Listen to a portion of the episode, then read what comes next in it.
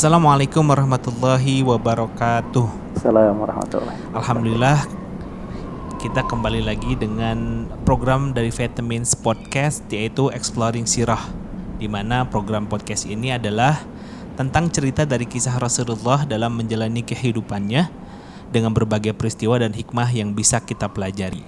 Saya Angga Januar sebagai host episode kali ini dan tidak lupa juga kita bersama dengan gurunda kita yang akan bercerita tentang sirah ini yaitu Ustadz Agus Al-Muhajir. Assalamualaikum Ustadz, sehat Ustadz? Waalaikumsalam warahmatullahi Alhamdulillah sehat sehat kan. Alhamdulillah. Sehat juga ya? Alhamdulillah sehat Alhamdulillah. Ustadz. Semangat Alhamdulillah. walaupun pandemi. Alhamdulillah. Oke, eh hari ini kita akan eh, bercerita eh melanjutkan dari episode sebelumnya yaitu menceritakan bagaimana tahap dakwah berikutnya. Setelah di dua episode berikutnya kita cerita tentang dakwah sembunyi-sembunyi, maka episode kemarin kita bercerita tentang dakwah secara terang-terangan. Yang dakwah terang-terangan ini berawal dari sebuah wahyu dari Allah Subhanahu wa taala yaitu Surah Asy-Syu'ara ayat 214 yaitu wa'anzir asyiratakal aqrabin dan berilah peringatan kepada kerabat-kerabat yang dekat.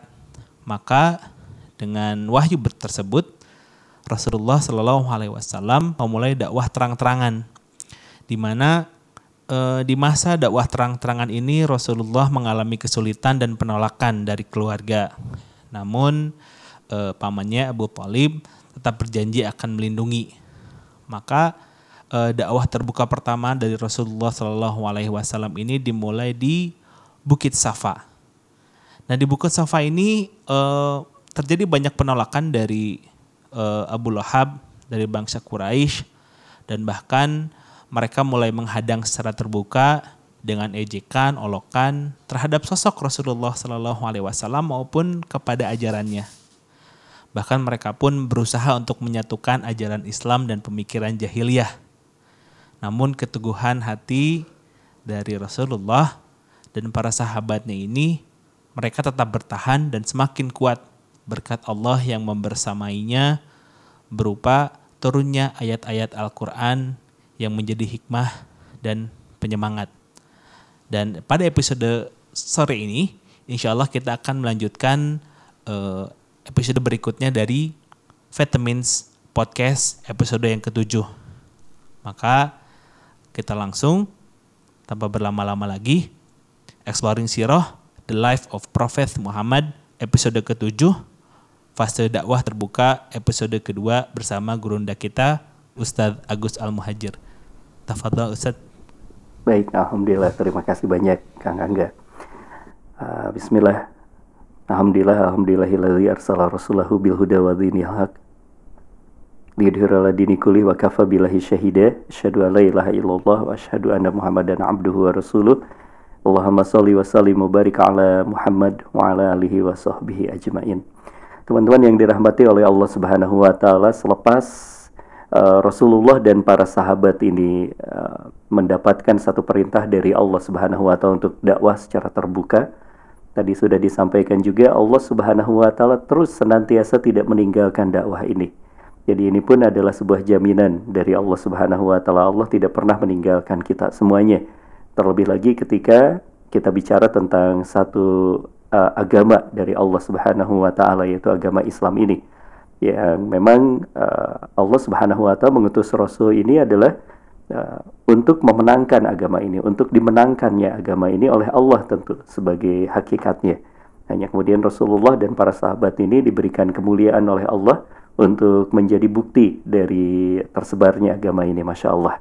Nah, uh, teman-teman yang dirahmati oleh Allah Subhanahu Wa Taala pada fase yang sulit ini, fase awal dakwah terbuka ini, Allah Subhanahu Wa Taala tadi kerap kali menurunkan Al-Quran yang uh, menguatkan jiwa dari Rasulullah dan para sahabat, dan tidak hanya menguatkan jiwa, tapi kemudian yang menariknya Allah Subhanahu Wa Taala juga senantiasa memberikan petunjuk-petunjuknya melalui uh, Al-Quran yang turun uh, relevan dengan kejadian, relevan dengan yang namanya itu peristiwa-peristiwa yang sedang dihadapi oleh Rasulullah dan para sahabat. Nah, Termasuk di dalam fase terbuka ini Allah Subhanahu wa taala juga menurunkan surat Al-Kahfi, satu surat yang sangat indah sekali, sangat luar biasa sekali dan kita juga disunahkan ya untuk senantiasa membacanya misalnya di uh, hari Jumat. Nah, ini surat Al-Kahfi. Surat Al-Kahfi ini turun dengan dilatar belakangi tekanan dakwah semakin berat. Tekanan dakwah yang semakin berat, lalu turunlah surat Al-Kahfi yang di dalamnya itu ada tiga hal pokok sebagai bantahan dan sebagai petunjuk, sebagai bantahan dan sebagai petunjuk. Yang pertama adalah karena uh, isi dari surat Al-Kahfi ini bantahan dari serangan-serangan secara verbal dari orang-orang musyrikin pada saat itu yang menghinakan Nabi mengatakan bahwa pengikutnya Nabi ini yang notabene adalah orang-orang Islam itu adalah orang-orang yang lemah orang-orang yang lemah orang-orang yang tidak punya kekuatan begitu ya yang kemudian uh, Allah Subhanahu wa taala menceritakan menceritakan tentang hal yang sangat luar biasa di sana. Pertama adalah bantahan-bantahan misalnya ya di dalam hal tersebut yaitu bantahan tentang kisah uh, atau di, disampaikan dipaparkan oleh Allah di dalam kisah Zulkarnain di mana di dalam kisah tentang Zulkarnain itu ditegaskanlah bahwa bumi ini milik Allah dan akan diwasiatkan kepada siapa pun yang dikehendakinya. Dan keberuntungan itu hanya diperoleh dari jalan iman. Dari waktu ke waktu Allah senantiasa menurunkan orang-orang yang membela orang-orang yang lemah, gitu ya. Nanti di dalam kisah uh, Zulkarnain ini dan ini dibuktikan nanti oleh Allah Subhanahu wa taala di penghujung periode uh, periode terbuka ini di tiga tahun di tiga tahun dakwah terbuka itu di penghujung tahun ketiganya itu diutuslah ya atau diberikanlah sebuah pertolongan karena uh, di dalam kisah Zulkarnain ini ada satu janji dari Allah bahwa Allah yang akan memenangkannya. Allah akan senantiasa menurunkan orang-orang yang membela orang-orang yang lemah. Orang-orang yang membela orang-orang yang lemah dan apa yang diberikan oleh Allah betul-betul bukan hanya surat Al-Kahfi yang, yang diberikan oleh Allah di tengah suasana kebatinan, suasana perasaan yang begitu sangat luar biasa ditekan itu. Allah membuktikannya langsung, yaitu dengan apa? Dengan masuknya Hamzah dan masuknya Umar bin Khattab menjadi seorang mukmin. Jadi eh, selain kemudian Allah memperkuat tentang kisah Zulkarnain, mungkin kemudian kan para sahabat pada saat itu ketika turunnya surat Al-Kahfi itu, waduh masya Allah nih nanti akan ada juga nih yang menolong dakwah ini. Ternyata langsung Allah kirimkan. Allah buktikan yaitu dengan masuk Islamnya Hamzah. Masuk Islamnya Hamzah dan masuk Islamnya Umar bin Khattab. Ini sekaligus tuh oh, semakin kuat kan umat Islam pada saat itu. Semakin kuat para sahabat pada saat itu. Kenapa semakin kuat? Ini benar agama ini. Allah Subhanahu wa taala sudah menyampaikan tentang pembelaannya nanti akan ada orang-orang yang kuat yang akan membela yang lemah ini dan ternyata benar. Ada masuknya Hamzah dan masuknya Umar bin Khattab, masya Allah pada saat itu yang menjadi sebuah uh, pembeda ya sehingga Umar itu kan disebutnya Al Faruq. Al Faruq itu adalah pembeda. Kenapa kemudian Umar disebut pembeda? Karena selepas masuknya Umar bin Khattab radhiyallahu an itu dakwah menjadi semakin uh, semakin terbuka dan eh, orang-orang uh, Islam pada saat itu menjadi tidak takut untuk menyebarkan Islam gitu ya akan kalau kita sejenak sedikit untuk melihat prosesi masuknya Umar itu kalau orang lain kan sembunyi-sembunyi langsung masuk ke rumahnya Arkom. Tapi kalau Umar bin Khattab ini selepas beliau ini masuk Islam, ya masuk Islam dan ini proses masuk Islam ini juga sangat menarik. Mungkin uh, ini sekilas saja kita lihat ya bagaimana ada hikmah. Hikmahnya itu adalah Umar bin Khattab ini kan masuk Islamnya itu gara-gara melihat Fatimah. Fatimah ini adalah saudaranya Umar, saudaranya Umar bin Khattab di mana uh, Fatimah ini seorang perempuan, seorang perempuan yang dianggap sangat lemah begitu dianggap sangat lemah di masa-masa dakwah yang begitu sangat uh, waduh masya Allah tekanannya sangat luar biasa yang dihadapi Umar. Uh, Umar pada saat itu kan mau membunuh Rasul, tetapi ditunjukkan tuh saudaramu itu saudaramu sudah masuk Islam juga sudah mengikuti agamanya Muhammad. Lalu kemudian Umar datang ya, menghunus pedang dengan begitu sangat marah. Nah, ternyata menghadapi Fatimah, saudaranya yang perempuan itu. Oh, ternyata Fatimah yang perempuan yang lemah itu berani menentang Umar. Ditampar oleh Umar, dia tidak tidak tidak takut. Ya, saudaranya ini malah berkata, seandainya kau tampar, tampar saja wahai Umar. Itu masya Allah. Dan itu yang membuat Umar berpikir, ini ada apa?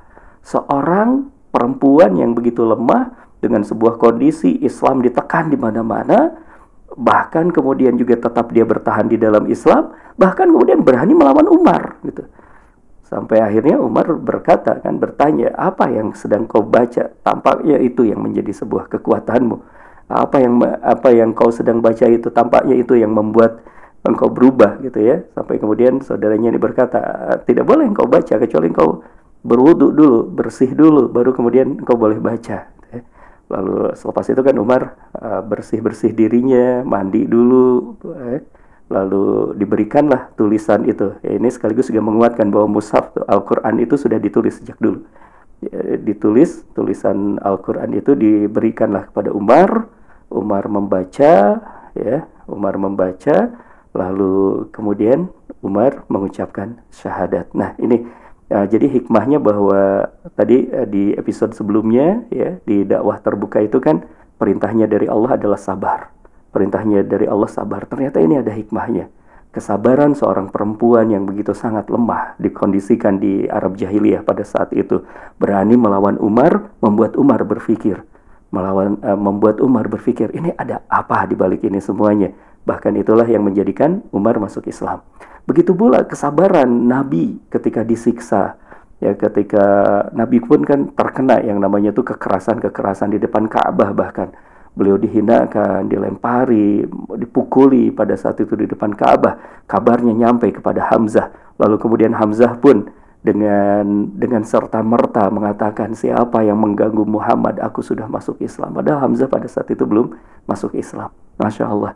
Ini satu hikmahnya bahwa kesabaran itu justru akan menunjukkan bahwa agama itu adalah benar karena ternyata orang-orang itu mampu bertahan di kondisi-kondisi sulit dan sekaligus juga uh, mengingatkan kepada kita kondisi sulit itu akan menjadi penyaring siapa yang benar-benar bertahan. Di sisi yang lain kemudian juga akan membuktikan bahwa sesuatu yang berharga pasti akan dipertahankan dengan cara apa pun. Ya, sesuatu yang benar pasti akan dipertahankan dengan cara apa pun dan itu pun akan terbaca oleh orang-orang yang tidak memahami dulunya tentang keagungan Islam. Termasuk kasusnya tadi Umar bin Khattab. Nah, itu kisah tentang Zulkarnain. Kemudian juga ada kisah tentang Khidir dan Musa di dalam surat Al-Kahfi ini ini mengingatkan tentang apa? Bahwa uh, pola pertolongan Allah di dalam dakwah ini tidak semuanya dipahami logika. Tidak semuanya dipahami logika. Kisah Khidir dan Musa itu kan ada hikmah di balik itu semuanya, ada hikmah yang begitu sangat luar biasa. Ada uh, apa namanya uh, kapal yang dilubangi, ada dinding yang ditegakkan, ada seorang anak yang dibunuh begitu. Ini semuanya nggak masuk logika, tetapi eh, perintahnya itu, perintahnya Khidir kepada Musa adalah ikuti saja, jangan dulu banyak bertanya begitu. Ini nanti Allah Subhanahu wa taala akan membukakan pintu hikmah itu. Nah, ini juga adalah sebuah isyarat bahwa sudah berjalan saja terus, beramal saja terus, nanti akan terbuka pintu hikmah. Nah, Kemudian yang menarik juga di dalam uh, surat Al-Kahfi ini juga ada satu perintah lagi. Tadi tadi uh, bantahan sekaligus juga pembuktian bahwa Allah senantiasa bersama dengan dakwah, tapi Allah akan menguji lagi terus dengan perjalanan yang harus dihadapi dengan sabar. Yang berikutnya lagi Allah Subhanahu wa taala memberikan petunjuk, satu petunjuk. Untuk itu kalau nanti sudah uh, terseleksi nih orang-orang yang sabar, akan semakin kuat orang-orang yang sabar ini. Allah memberikan sebuah petunjuk lagi, yaitu petunjuk hijrah. Dari kisah Ashabul Kahfi di surah Al-Kahfi ayat ke-16, yaitu wa idi istazaltumuhum wa ma ya'buduna illallah fa'u ilal kahfi yansur lakum rabbukum min rahmati wa yuhayyi lakum min amrikum mirfaqa dan apabila kamu meninggalkan mereka dan apa yang mereka sembah selain Allah, maka carilah tempat berlindung di dalam gua itu. Ini berarti masuk ke dalam sebuah strategi yang berikutnya bahwa uh, selain kemudian kesabaran, setelah kesabaran itu mulai terkapitalisasi dengan jumlah orang, ya sejumlah orang, kemudian juga sudah muncul yang namanya tuh uh, bukti-bukti pertolongan Allah, siap-siaplah untuk membangun sebuah markas dakwah. Ber bersiaplah untuk membangun markas dakwah karena uh, dakwah ini memerlukan yang namanya teritori. Permusuhan orang-orang Mekah akan semakin menjadi-jadi dengan hal ini. Maka kemudian yang berikutnya adalah uh, cobalah karena bumi ini milik Allah, bumi ini luas begitu. carilah uh, basis dakwah yang lainnya, masya Allah. Isyarat hijrah untuk membuka dakwah lebih luas ini juga diturunkan oleh Allah di dalam surat Az-Zumar ayat ke-10. Ya, qul ya ibadiyalladzina amanu taqurrabukum lilladzina ahsanu fi hadhihi dunya hasanah wa ardullah wasi'ah. Innama yuwaffas sabiruna ajrahum bighairi hisab. Jadi nyambung di dalam di dalam konteks ayat ini inilah enaknya kalau kita baca Quran dengan konteks sejarah ya. ini engat enaknya kita baca Quran tapi kita faham sirah begitu. Dikatakan di dalam ayat ini, hai hamba-hambaku yang beriman bertakwalah kepada Tuhanmu. Orang-orang yang berbuat baik di dunia ini memperoleh kebaikan dan bumi Allah itu luas. Sesungguhnya hanya orang-orang yang bersabar yang dicukupkan pahala uh, tanpa batas itu. Jadi nyambung ketika kita faham tentang kondisi ketika ayat ini turun bahwa setelah Allah terus-menerus menguji umat Islam awal ini, para sahabat awal ini dengan berbagai tekanan, lalu kemudian mereka berhasil untuk sabar, Allah Subhanahu wa taala menunjukkan bumi ini luas. Anda mungkin tertekan di bumi yang namanya Mekah ini, tapi bumi Allah itu luas. Cari itu. Bumi Allah itu luas. Kembangkan dakwah itu ke tempat-tempat yang lainnya. Maka itu sudah me, sebenarnya sudah membuka sebuah fase yang lain dari dakwah. Bahwa fase dakwah itu diingatkan fase dakwah ini bukan hanya untuk orang Mekah tapi untuk seluruh dunia. Bumi ini. Ini bumi ini luas sekali. Anda jangan terbebani dengan penolakan orang-orang Mekah. Dakwah ini harus sangat luas. Ada ranah yang harus banyak disentuh termasuk juga nah yang menariknya adalah kan akhirnya dijawablah dengan delegasi hijrah ke Habasyah. Menarik. Habasyah itu ada di mana? Habasyah itu kan bukankah itu ada di tanah Afrika? Gitu ya. Habasyah itu ada di tanah Afrika. Hijrahnya eh, beberapa sahabat tepatnya di tahun kelima kenabian ini hijrah ke Habasyah ini itu mengingatkan bahwa dakwah sekaligus deklarasi bahwa dakwahnya Rasul dan para sahabat ini internasional. Ini bukan dakwah lokal gitu, ini dakwah yang besar sekali. Dakwah yang besar sekali dan sampai ke tanah Afrika. Nah, ini sekaligus juga membawa memberikan sebuah semangat kepada para sahabat dakwah ini harus luas. Di Mekah tuh kecil, lihat tuh ada Afrika yang terbentang begitu sangat luas. Ada mungkin nanti ada Eropa gitu ya, ada Persia, ada Romawi. Itu tanah yang perlu kita dakwah ini luas. Gitu. Maka uh, masya Allah ya uh, tonggak hijrah ke Habasyah ini merupakan satu tonggak yang sangat penting. Delegasi hijrah ke Habasyah itu dibagi menjadi dua kali. Yang pertama, pergi bulan Rojab tahun kelima kenabian, terdiri dari 12 laki-laki dan 4 wanita. Dan ini dipimpinnya oleh Utsman bin Affan untuk delegasi yang pertama ini. Berarti bukan orang-orang lemah, ya. Delegasinya itu dipimpin oleh Utsman bin Affan dan diikuti oleh Ruqayyah juga putrinya Rasulullah Sallallahu alaihi wasallam. Dan ini bukan delegasi orang lemah, bukan delegasi orang-orang yang lari karena ketakutan begitu ke Habasyah ini. Ya karena memang hijrah ke Habasyah ini kalau misalnya kita lihat di dalam isyarat ayatnya tadi di surat Al-Kahfi adalah sebuah penjajakan untuk membangun ibu kota hijrah. Awalnya itu seperti itu. Maka yang dikirimkan ke Habasyah ini adalah justru orang-orang kuat yaitu Utsman bin Affan diikuti oleh Ruqayyah putri Rasulullah yang untuk melakukan uh, diplomasi misi diplomasi ke Habasyah ini. Masya Allah. Ya, delegasi ini memang uh, kembali ke Mekah, kembali ke Mekah ya, kembali ke Mekah karena ada sebuah kabar di mana Rasul keluar satu hari membaca surat An-Najm pada saat itu, surat An-Najm ya. Bayang, uh, saking berpengaruhnya surat An-Najm yang dibacakan oleh Rasul pada satu malam tuh setelah delegasi ini sampai ke Habasyah, Rasulullah keluar uh, membacakan surat An-Najm. Ada orang-orang Quraisy pada saat itu uh, terpengaruh dengan bacaan Quran. Nah ini saking luar biasanya bacaan Quran, saking dahsyatnya bacaan Quran. Orang-orang kafir Quraisy itu sampai terpengaruh dengan bacaan uh, surat An-Najm dari Rasul dan apa yang dilakukan oleh orang-orang kafir itu bersujud, ikut bersujud ketika mendengarkan surat An-Najm itu terpengaruh. Nah, kabarnya sampai kepada delegasi yang dikirim oleh Rasulullah ke Najasi ini, ke Habasyah ini. Terdengar kabarnya, kabarnya ada distorsi. Kabarnya distorsi, ter, terdistorsi dengan kabar yang sampai kepada delegasi hijrah ini adalah orang-orang Quraisy sudah mendukung dakwah. Kembalilah ke kota Mekah. Ternyata enggak gitu ya. Padahal bukan seperti itu, hanya terpengaruh saja jiwanya. Kembali delegasi ini bulan Syawal, uh, tetapi ternyata mendapati orang-orang Quraisy masih memusuhi Islam, masih memusuhi dakwah ini. Akhirnya mereka masuk, delegasi pertama ini masuk kembali ke Mekah dengan meminta perlindungan orang-orang Quraisy. Ya, masuk lagi ke Mekah. Nah, sehingga kemudian ada delegasi kedua, dikirimkan lagi delegasi keduanya ini setelah mereka semuanya para sahabat ini berkumpul kembali di kota Mekah, uh, dikumpulkan lagi oleh Rasulullah, dibentuk lagi delegasi yang kedua. Delegasi yang kedua ini jauh lebih besar lagi yaitu 85 pria dan 19 wanita di Mekah hanya tersisa 40. Nah, kita hitung-hitung matematikanya ya. 85 pria tambah 19. Itu berarti ada uh, 106. 106 umat Islam yang masuk ke kota uh, Habasyah itu, yang masuk ke negeri Habasyah itu. Di Mekah hanya tersisa 40 orang. Berarti ini sebagian besarnya pergi. Sebagian besarnya itu pergi ke Habasyah itu. Di Mekah tertinggal hanya sedikit sekali hanya 40 orang. 40 orang inilah yang nanti menyambut masuknya Hamzah dan masuknya Umar. Jadi uh, Hamzah dan Umar masuk Islamnya itu di hadapan hanya 40 orang itu. Karena yang lainnya itu sedang pergi ke Habasyah.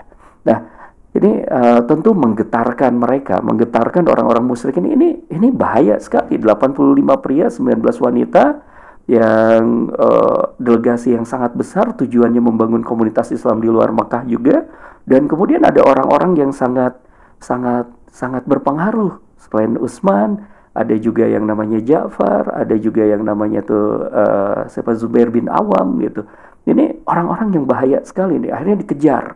Kalau delegasi yang pertama itu tidak dikejar delegasi yang kedua ini dikejar gitu dikejar sama mereka. Tetapi kemudian tidak terkejar uh, sudah sudah menyeberang terlebih dahulu. Sudah menyeberang terlebih dahulu mereka kembali menyiapkan delegasi disusul karena tahu tuh ini mau mau perginya ke Habasyah disusul ya dengan delegasinya Amr bin Ash. Nanti dipimpin oleh Amr bin Ash orang-orang Quraisy ini uh, dua orang ada dua tokoh besar dari Quraisy yaitu Amr bin Ash dan satu orang lagi.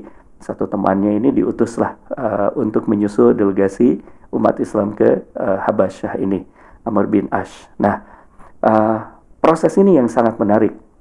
Dikejarnya pasukan dikejarnya di uh, utusan atau delegasi hijrah kedua ke Habasyah ini ini yang menjadi satu hal yang sangat menghebohkan ya. Boleh dikatakan semacam itu di di Habasyah itu. Uh, Amr bin Ash yang diutus untuk mengejar delegasi hijrah ke Habasyah ini uh, sesampainya di Habasyah beliau sudah mulai melakukan langkah-langkah uh, langkah-langkah politisnya begitu ya. Pertama memberikan hadiah-hadiah. Hadiah-hadiahnya ditujukan ditujukan kepada siapa? Uskupnya para pemuka agamanya Kristennya itu. Dikasih hadiah jadi um, beliau tahu bahwa nanti dialognya ini akan menyentuh agama sehingga di, didekati terlebih dahulu adalah pemuka agamanya lalu kemudian uh, Amr bin Ash pun datanglah kepada Najasi memberikan hadiah juga ya ini sebagai uh, utusan resmi dari kabilah kepada kabilah yang lainnya masya Allah ini Amr bin As. Amr bin As sebelum, masih belum masuk Islam. Dan Amr bin As ini adalah orang yang dikenal memang sebagai ahli, ahli dari diplomasi ya. Nanti ketika beliau masuk Islam juga menjadi satu tokoh yang sangat luar biasa kontribusinya untuk Islam. Bahkan kalau misalnya kita lihat tuh ya, nanti uh, kontribusinya Amr bin As itu justru selepas beliau masuk Islam, beliaulah yang membebaskan Afrika gitu ya. Kan ini padahal uh, kejadiannya juga di tanah Afrika kan di tanah Afrika. Amr bin As itu uh, nanti selepas jadi uh, bagian dari umat Islam, beliau termasuk orang yang membuka Afrika, membebaskan Afrika, uh, berdakwah di Afrika sampai kemudian nanti ditunjuk oleh Umar bin Khattab ini sebagai gubernur di Afrika ya tepatnya adalah gubernur Mesir. Di Mesir, beliau dari Mesir mengembangkan Islam ke mana-mana, masya Allah. Itu Amr bin As. Nah, uh, tapi Amr bin As memang dari masa jahiliyahnya juga adalah orang yang sangat cerdas. Dan menariknya adalah uh, ketika dialog Amr bin Ash di hadapan Najasi, yang Amr bin As mengatakan kepada Najasi sebagai raja dari Habasyah itu, beliau berkata, ini memang uh, satu keterampilan diplomasi tetapi kemudian value-nya masih value jahiliyah. Amr bin As pada saat itu masih jahiliyah. Dan itu nanti berhadapan dengan orang yang tidak kalah cerdasnya juga yaitu Ja'far bin Abi Talib yang juga ahli diplomasi tetapi dengan value Islam. kita lihat ada dua narasi. Dua narasi ini yang bertarung di dalam sebuah narasi ilmiah, di dalam sebuah forum ilmiah, di depan seorang yang adil, yang cerdas, tapi berbeda agama. Uh, Amr bin As berkata kepada Raja Najasyi ketika dikumpulkanlah delegasi umat Islam itu diwakili oleh Ja'far, dikatakan oleh uh, Amr bin As, Wahai Raja, wahai Raja Najasyi, mereka adalah anak-anak bodoh dari negeri kami. Masya Allah. Jadi sudah mulai awalnya itu adalah narasi menyerang ke kredibilitasnya. Mereka anak-anak bodoh dari negeri kami. Satu. Kemudian uh, Amr bin As berkata, mereka meninggalkan agama kami dan tidak dan tidak juga masuk agama Anda. Ini keterampilan beliau. Mari kita simak sekali lagi. Amr bin As ini berkata mereka meninggalkan agama kami dan tidak juga masuk agama Anda. Ini kan tidak ada urusannya dengan Anda sebenarnya gitu ya bahasanya mungkin yang masuknya ditekankan seperti itu. Ini urusan agama. Mereka meninggalkan agama kami dan juga tidak masuk agama Anda. Mereka membawa agama baru yang belum pernah kami ataupun Anda kenal gitu. Ini masuk ke psikologi komunikasi. Kita ini tidak suka dengan hal yang baru. Yang baru itu sesuatu yang bisa bisa menjadi ancaman buat orang itu nggak nyaman. Nah, orang tuh uh, cenderung untuk tidak mau berubah kan sebenarnya gitu. uh, merasa terancam dengan sesuatu yang baru. Nah ini yang dimainkan secara psikologi komunikasinya oleh Amr bin Ash. Lalu kemudian beliau pun memainkan lagi psikologi komunikasinya. Kami datang kepada Paduka, tapi kami ini diutus oleh para pemuka kaum mereka sendiri untuk meminta bantuan Paduka kiranya berkenan mengembalikan mereka. Masya Allah. Jadi uh, mengatasnamakan kami ini resmi diutus oleh para pemuka mereka tuh orang-orang hina. Amr bin As salah perhitungan di situ. Nanti uh, kita melihat bagaimana narasi Islam melawan narasi jahiliyah yang disampaikan oleh Amr bin As pada saat itu. Uh, beliau kemudian berkata lagi, Amr bin As ini, seperti paduka tahu, sesungguhnya pemuka mereka lebih mulia derajatnya. Itu kata kunci yang nanti dimainkan oleh Ja'far.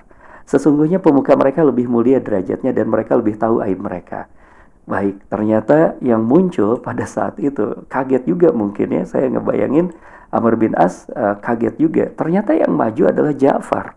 Ja'far itu siapa? Anaknya Abu Talib. Abu Talib itu siapa? Kepala suku. Jadi pemuka gitu. Abu Talib itu pemuka suku kan. Nanti kita akan bicara tentang kondisi, tentang bagaimana peran sentralnya Abu Talib di dalam membela dakwah Rasulullah meskipun Abu Talib ini tidak masuk Islam ini langsung membantah berkata bahwa pemuka pemuka mereka ini ternyata adalah dari kalangan pemuka. Ja'far yang maju gitu. Kebayang wajah Amr bin As pada saat itu. Saya saya membayangkan kondisi Amr bin As. Nah Ja'far yang maju ini masya Allah gitu ya. Yang Ja'far memperkenalkan diri di hadapan uh, Najasyi itu adalah anaknya Abu Talib masya Allah. Nah Ja'far anaknya Abu Talib seorang seorang pemuka begitu ya dan uh, Ja'far juga ditunjuk itu melalui sebuah mekanisme ya. Dari 106 orang Islam uh, para sahabat yang pada saat itu uh, hadir uh, itu kan menunjuk Ja'far ya. Itu ya, strategi komunitas ya. Jadi Amr bin As secerdas-cerdasnya Amr bin As Amr bin As sendirian.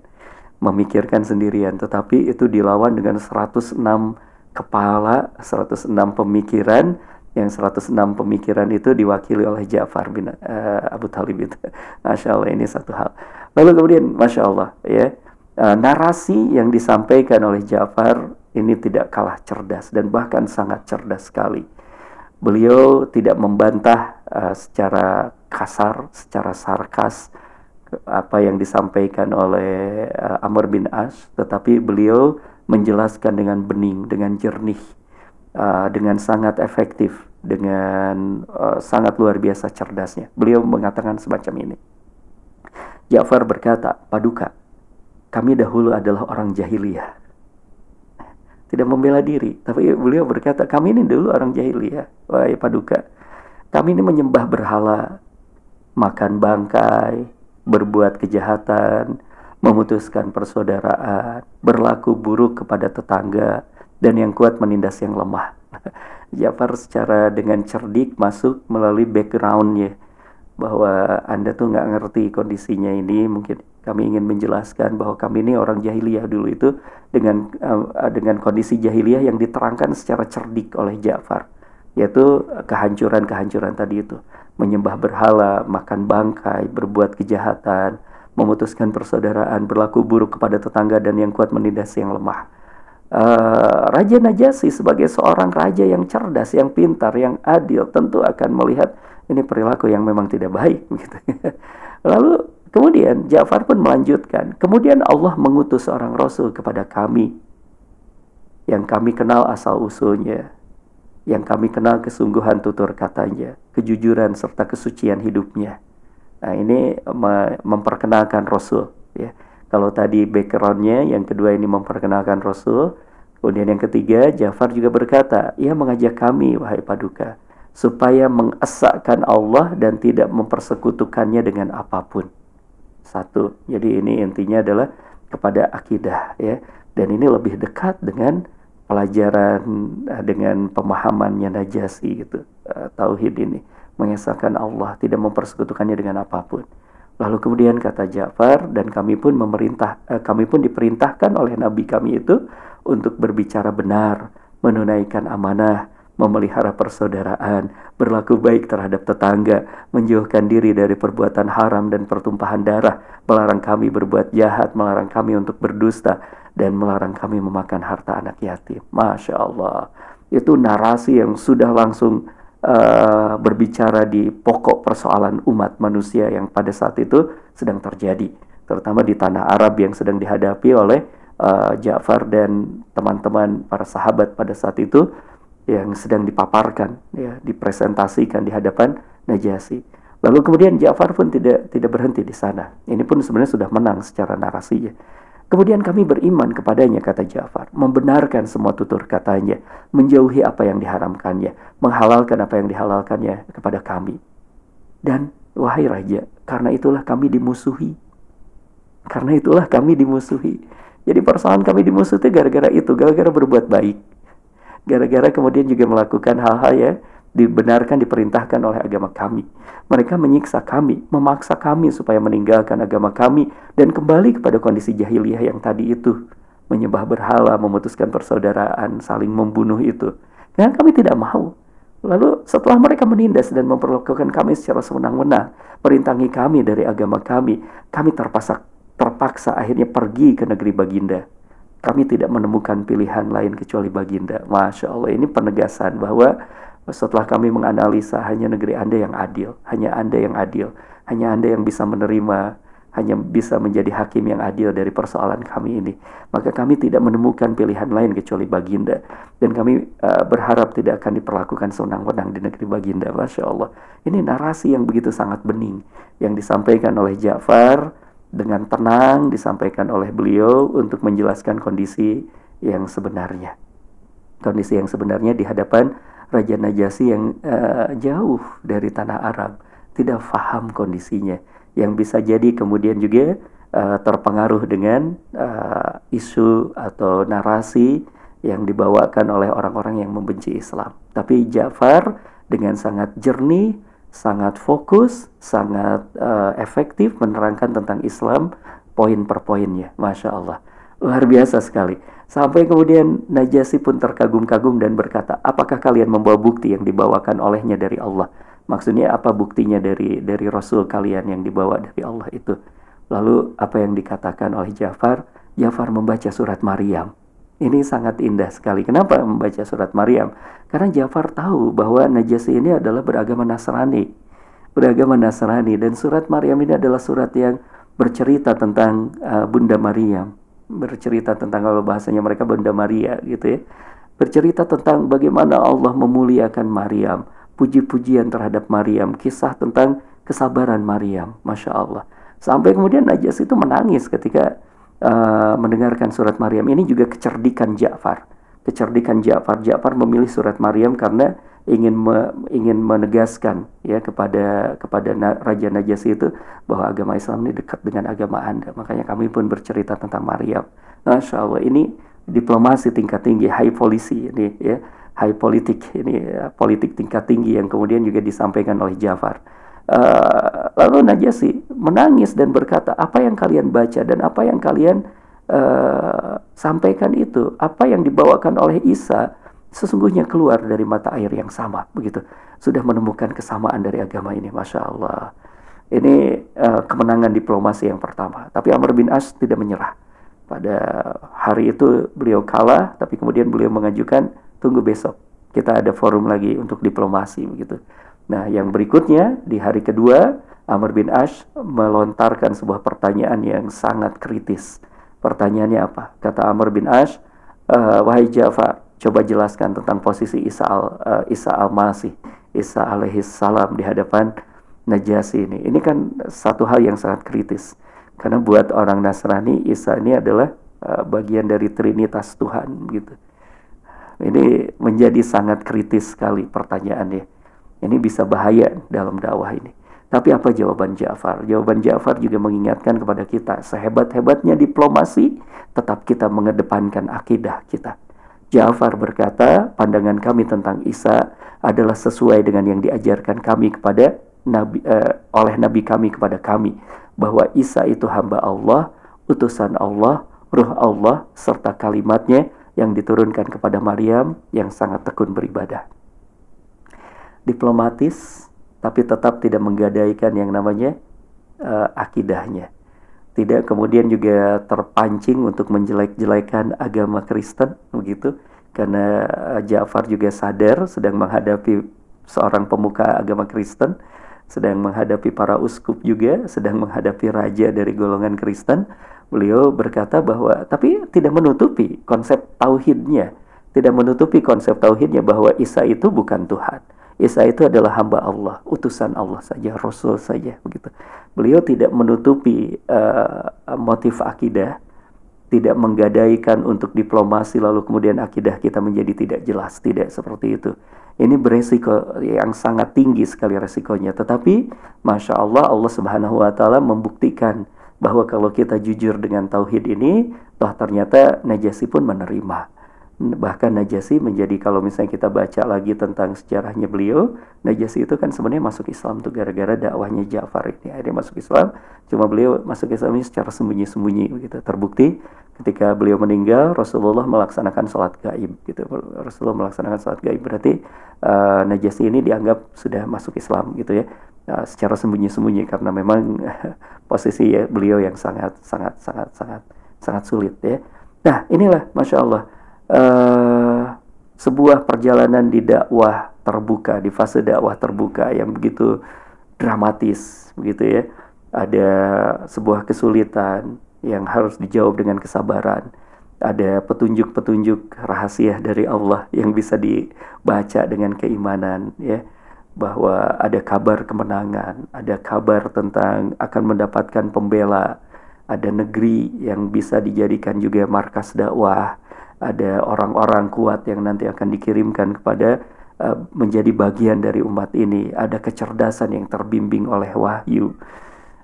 Ada banyak hal yang ini seharusnya menyuburkan hati kita bahwa sirah, bahwa sejarah sudah menunjukkan Allah tidak pernah ya berlepas tangan atas persoalan-persoalan umat ini, atas persoalan-persoalan dakwah ini.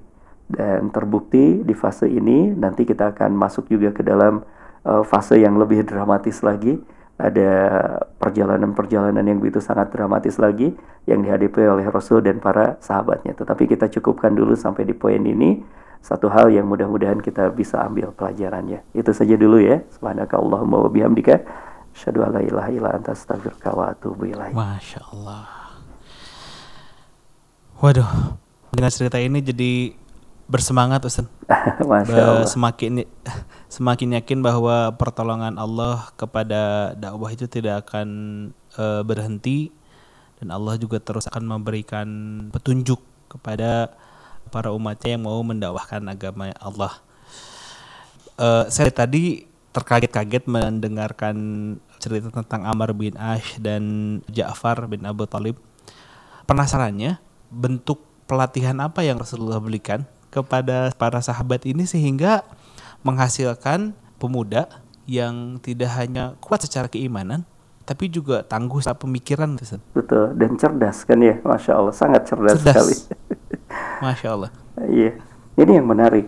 Jadi kalau misalnya kita membaca ke kurikulumnya, jadi kan pertanyaannya hmm. apa sih yang diberikan nih pelatihan apa nih? Hmm. Ini yang diberikan kurikulumnya apa? Masya Allah sehingga menghasilkan orang-orang seperti Ja'far baru 106 saja sudah sangat luar biasa kan itu.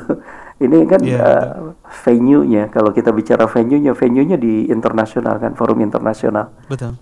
Uh, bukan di Mekah, tapi ini forum internasional kan di kerajaan orang lain gitu.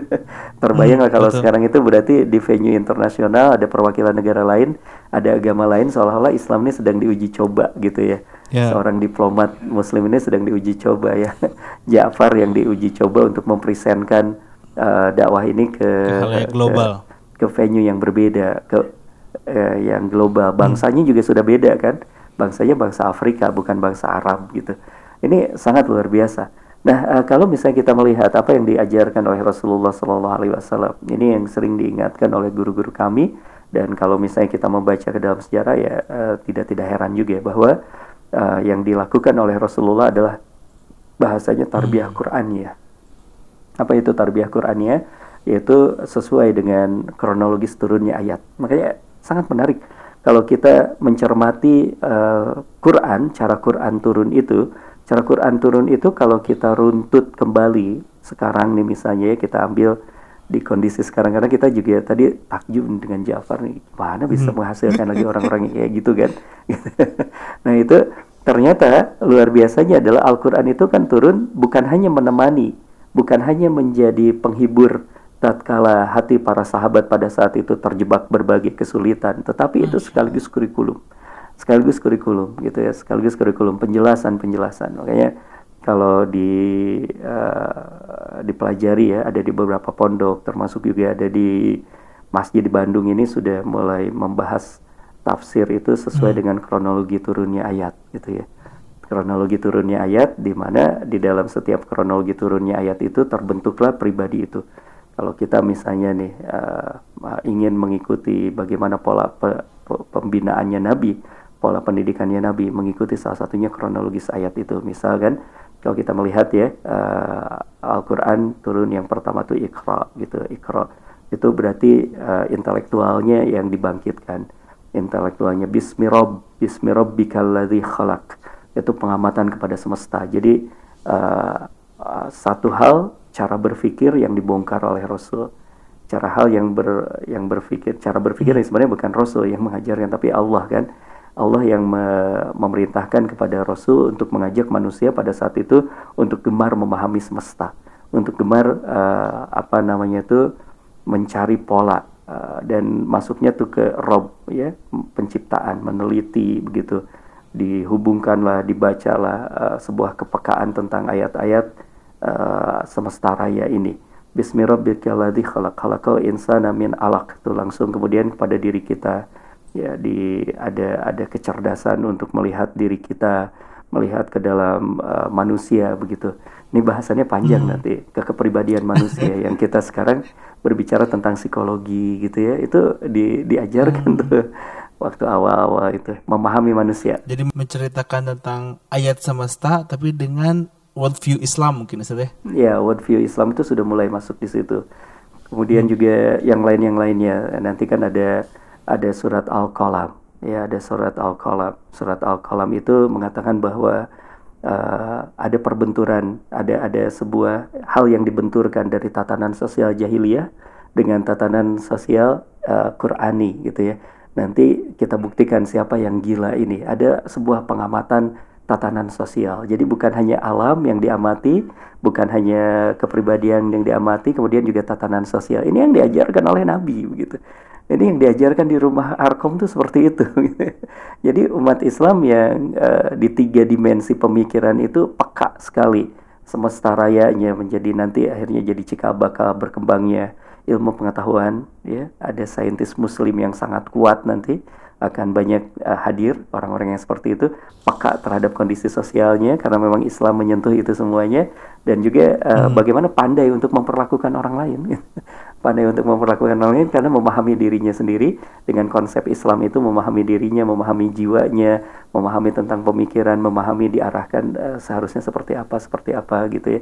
Nah inilah yang kemudian hmm. menjadi modal ya uh, terus menerus di, di dibimbing oleh Allah Subhanahu Wa Taala dengan turunnya ayat satu demi satu sampai kemudian ada karakter uh, umat Islam yang sangat ideal yang diberikan oleh Allah Subhanahu wa taala dalam surat Al-Adiyat ya. Surat Al-Adiyat itu kan hmm. surat awal-awal tuh. Wal adiyat dobha. Bagaimana kemudian juga Allah Subhanahu wa taala mengibaratkan uh, karakter yang harus dibangun manusia itu seperti kuda perang gitu ya. Yang saking hmm. yang saking cerdiknya, saking beraninya kuda perang itu dia menyerang ke uh, rombongan musuh di pagi hari sambil memercikan debu dan api ini uh, semangatnya juga dibangun gitu ya harga dirinya dibangun hmm. semangatnya dibangun wah ini luar biasa pada saat itu padahal yang dihadapi adalah kondisi masyarakat jahiliyah yang malas-malasan gitu ya yang sering mabuk hmm. gitu yang ya begitulah gitu ya tapi dibangun jiwa pejuangnya dibangun jiwa kesatrianya itu yang kesatrianya itu adalah uh, membela sesuatu value yang benar gitu. Ini ini beberapa hal panjang sekali memang kalau hmm. bicara tentang ini. Kurikulumnya sangat panjang tapi uh, sederhananya adalah kenapa sampai hadir orang yang seperti Ja'far. Pada Ja'far itu kan berarti dibina oleh Rasul belum lama kan. Karena ini baru Betul. baru episode dakwah lima tahun kenabian kan ini baru lima tahun kenabian. Berarti ini orang yang baru gitu, orang yang baru sedikit disentuh oleh Islam tapi sudah menghasilkan orang yang seperti itu. Nah, bagaimana dengan kita yang sudah bertahun-tahun menjadi umat Islam? Jadi pelajaran penting kenapa salah satu salah satu hikmahnya kita harus mempelajari sirah Ustaz ya? Betul, betul. Masya Allah. Mungkin karena kita nggak paham uh, Quran. Kalau mereka paham ah. dan menjadikan Al-Quran sebagai tarbiyah. Ya, tarbiyah Quraniyah hmm. makanya bahasanya. Kalau kita baru ini, baru membaca Quran. membaca Quran. Mungkin ini jadi pertanyaan terakhir Ustaz. Siap. Uh, karena kalau kita ngobrol ini bakal jadi seru terus nih Ustaz. Tadi di kisah Ja'far yang terakhir uh, beradu argumen dengan Amr bin Ash di pertanyaan terakhir yang menjebak bertanya tentang uh, Isa al-Masih. -huh. Di situ ada sebuah pelajaran bahwa uh, sifat Rasulullah yang uh, selalu menganalisa suatu tempat dan akhirnya berhasil uh, menjelaskan keagungan Islam uh, tapi dengan tanpa menjatuhkan uh, kepercayaan yang terjadi di Habasyah itu bagaimana kaitannya antara dakwah dan budaya yang akhirnya bisa dileburkan dengan uh, sifat Rasulullah yang seorang analitis tuh membuktikan bahwa Rasul itu memang orang yang terpilih Ustaz. Ya? Masya Allah, iya. Rasul itu kan salah satu sifatnya Rasul itu fatonah. Fatonah itu cerdas kan ya. Nah kecerdasannya Rasul ini tercermin dari dari ini semuanya ya. Bagaimana memilih Habasyah, kemudian dikirimnya orang-orang yang bukan orang-orang yang lemahnya justru ya orang-orang lemahnya itu kan justru tertinggal bersama dengan Rasul di kota Mekah yang 40 itu. 40 orangnya itu justru uh, ber, berdiri bersama dengan Rasulullah Shallallahu Alaihi Wasallam di kota Mekah. Dan kenapa juga Rasul tidak tidak tidak ikut ke Habasyah? Kan ini juga menjadi sebuah pertimbangan yang sangat luar biasa kan ya? Ini uh, merupakan sebuah hal yang sangat luar biasa analisis dari Rasulullah Shallallahu Alaihi Wasallam. Karena kalau Rasul ikut pergi ke Habasyah juga mungkin 40 orang yang tertinggal ini akan ditindas habis-habisan oleh oleh orang-orang musyrikin ini ya. Tetapi kemudian uh, terpecahkan kondisinya tuh orang-orang musyrikin ini menjadi terpecah. Di sisi yang lain adalah mengejar delegasi diplomasi ke Habasyah ini.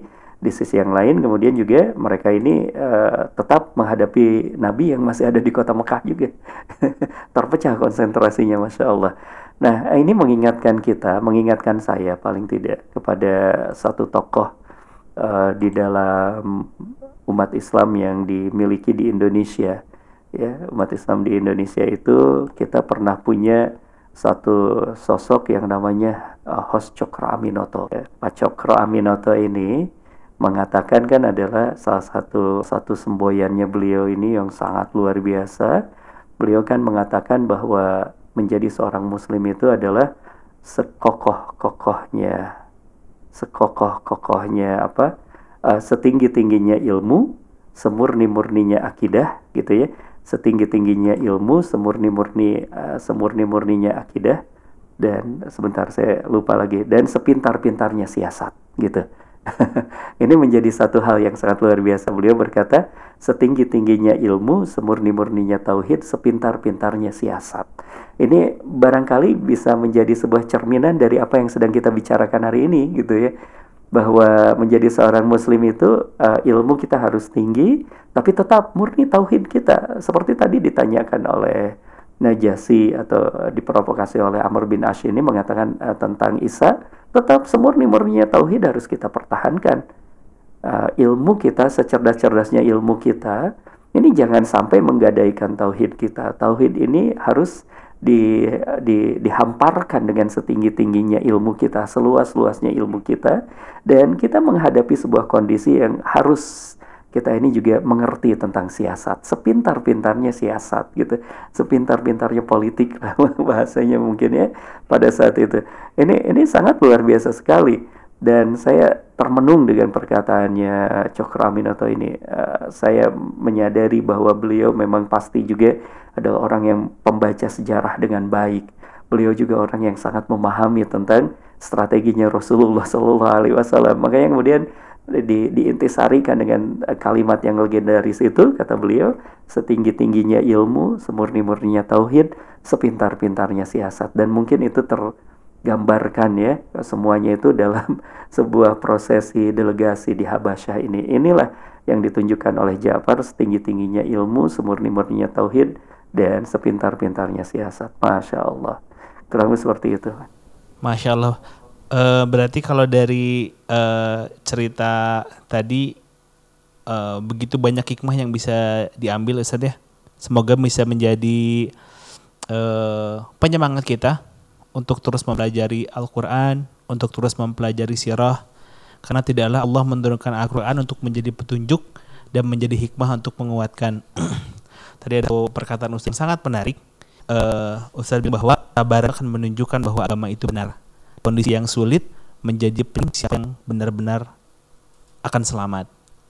Dan dari kisah Khidir dan Musa, kita juga belajar bahwa dalam agama itu kita ikuti ajarannya dan banyak dan jangan banyak bertanya.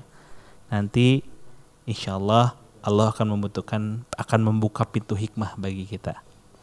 Mungkin kurang lebih gitu menjadi penutup untuk uh, podcast pada hari ini. Untuk teman-teman yang uh, ingin mendengarkan podcast seri sebelumnya, mangga silahkan didengarkan di Vitamins Podcast atau di Anchor. Uh, sekali lagi terima kasih Ustadz Jazakallah khairan atas waktunya pada sore hari ini atas hikmahnya uh, kita bertemu di lain waktu Assalamualaikum warahmatullahi wabarakatuh. Waalaikumsalam warahmatullahi wabarakatuh. Masya Allah